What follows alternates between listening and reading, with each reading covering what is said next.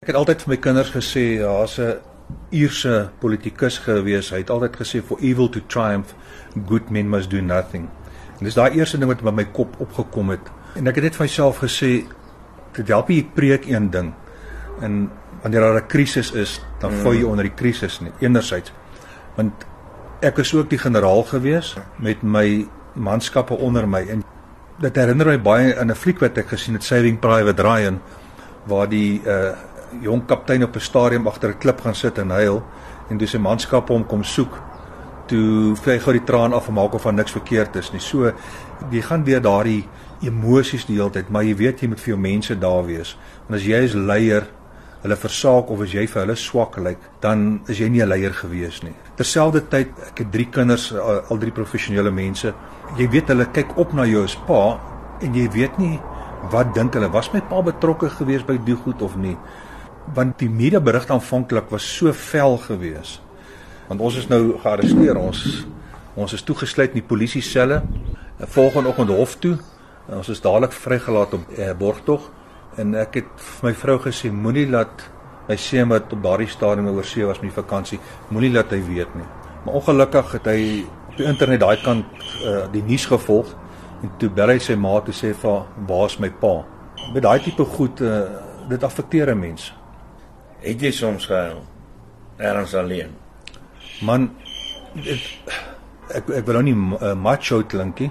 Ehm um, nie letterlik trane gestort nie, maar ek het oh, met tye het ek werklik uh, gevoel jy's jy's nou uh, in in 'n swart gat en wat dit moeilik gemaak het is dat ek het nie iemand gehad behalwe natuurlik my familie.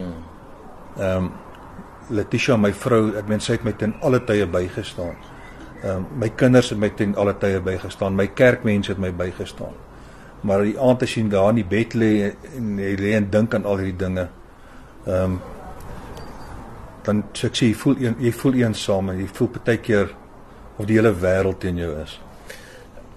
Die ding het begin en momentum opgebou en ek onthou jy het een aand vir my gesê hoe hulle dit reg kry om onskuldige goed wat buite konteks gebruik word op so 'n manier te laai.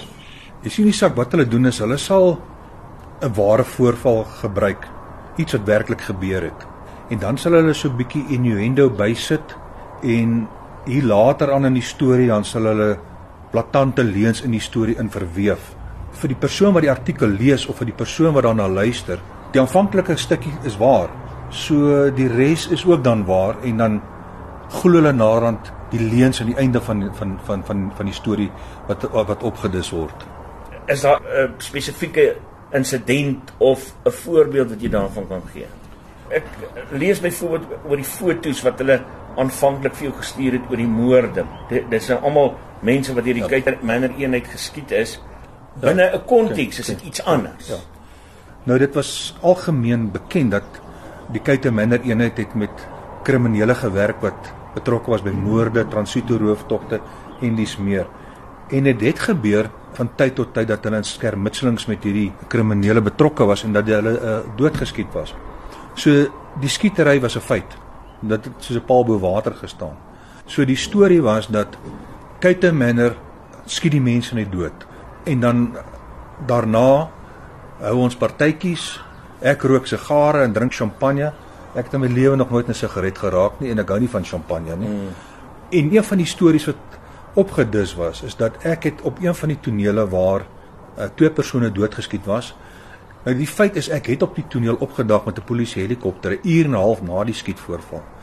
Maar die storie wat hulle toe vertel het is dat ek het 'n AK47 op die toneel geplant om die die skietery van die Kuite Manor lede wettig te laat lyk. Nou dit was 'n absolute versinsel wat die aanklaers en die uh, polisie ondersoekbeampte opgedis het. Daar het nooit so iets bestaan nie. Toe ek in die helikopter klim, ons op die snelweg geland, was daar reeds mense van die media by. Trouwens in 'n in 'n boek wat ek saam met 'n joernalis geskryf vir Jessica Pitchford, gebruik ons reeds daardie foto op die voorblad van die boek. Hmm. Want dit is daardie foto wat wat deur die media gepubliseer was waarin daar later beweer is ek het haar geland om AK47 op die toneel te plant. Nou is dis duidelik van die foto van die media dat ek nie 'n AK47 naby my gehad het nie. As mens na die storie luister soos wat jy dit nou al 'n hele paar keer vertel het, dan kom mense onder die indruk nou weer van hoeveel mense by hierdie masjinerie betrokke is en bereid is onwettige goed te doen om ander onwettighede te laat voortgaan. Hoe diep korrup is die Suid-Afrikaanse polisie? Isak, ek sal wel begin by die die nasionale vervolgingsgesag. Daar's 'n kabal in in in die vervolgingsgesag. Die vervolgingsgesag is nou verlos van twee van hulle, advokaat uh, Lawrence Mgwebi en uh Nkobo Jiba. Ehm uh, die parlement moet nog net hulle afdankings bevestig. Maar daar's 'n hele paar ander van hulle. Ek het kriminele klagtes teen 'n paar van hulle gelê. Dit word tans ondersoek uh, deur die valke. Om terug te kom by die polisie, ehm um, dit is ongelukkig so dat en dit is my persoonlike siening dat die polisie absoluut deurspek is van korrupsie. Die feit dat hulle iemand soos Burning en Clemetse aangestel het as die hoof van die valke Ehm um, ek het na 2 jaar se skorsing het ek is ek terug werk toe en hy's toe aangestel en hy doelbewus ehm um, ingemeng met my ondersoeke. Hy doelbewus met ander baie belangrike ondersoeke ingemeng. Generaal Jan Mabula, hy destyds doelbewus vir Gerry Nel gearresteer, wetende dat dit onwettig is. Jan Mabula was die hoof van die ondersoek in my ondersoek en die Kate Manor ondersoek en hy doelbewus hy en sy span mense probeer kry om verklaringe teen ons te maak, om ons te impliseer in kriminele dade. Nou dit is vir my seker die ergste vorm van korrupsie waar die mense wat die bewakers is van die grondwet of behoort te wees soos die Jibas en die Mahemas en die Mabulas van die dag dat hulle aktief en doelbewus en doelgerig mense wat eintlik korrupsie ondersoek. En ek praat net vir myself nie. Mm. Baie van hierdie rolspelers was betrokke in die vervolging van uh, Glynis Breitenberg. Ehm um, so gesê het Gerry Nel, Robert McBride, almal mense wat besig is om korrupsie te ondersoek.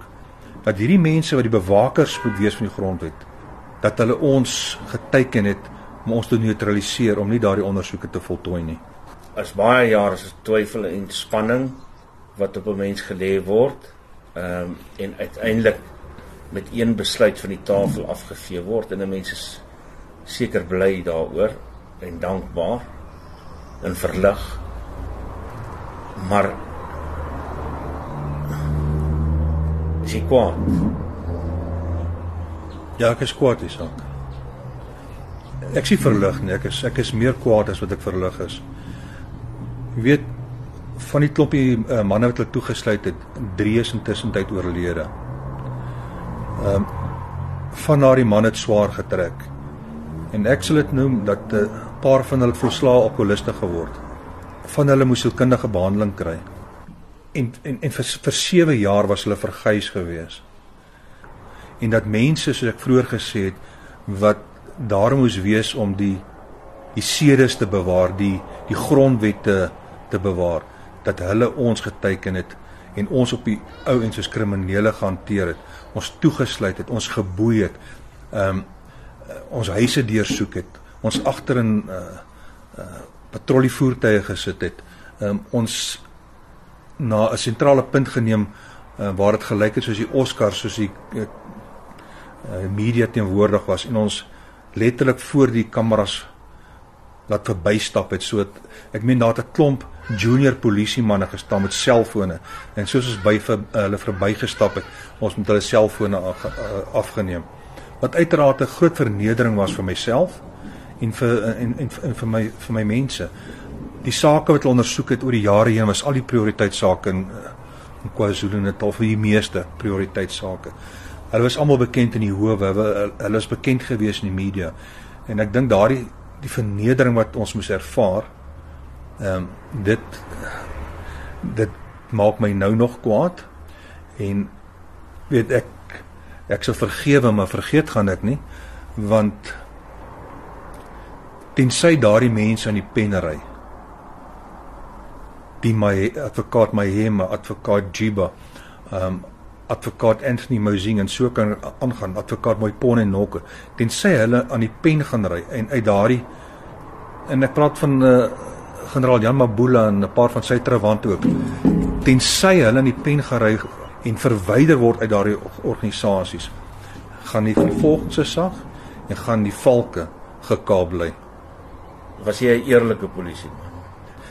As een ding wat hulle my nie kan van beskuldig nie, is dat ek 'n oneerlike polisieman was. As ek 'n engel, niemand van ons is eng, uh, engeltjies nie. Maar ek is my hele lewe absoluut gekamp teen korrupsie en ek is vandag nog gekamp teen korrupsie.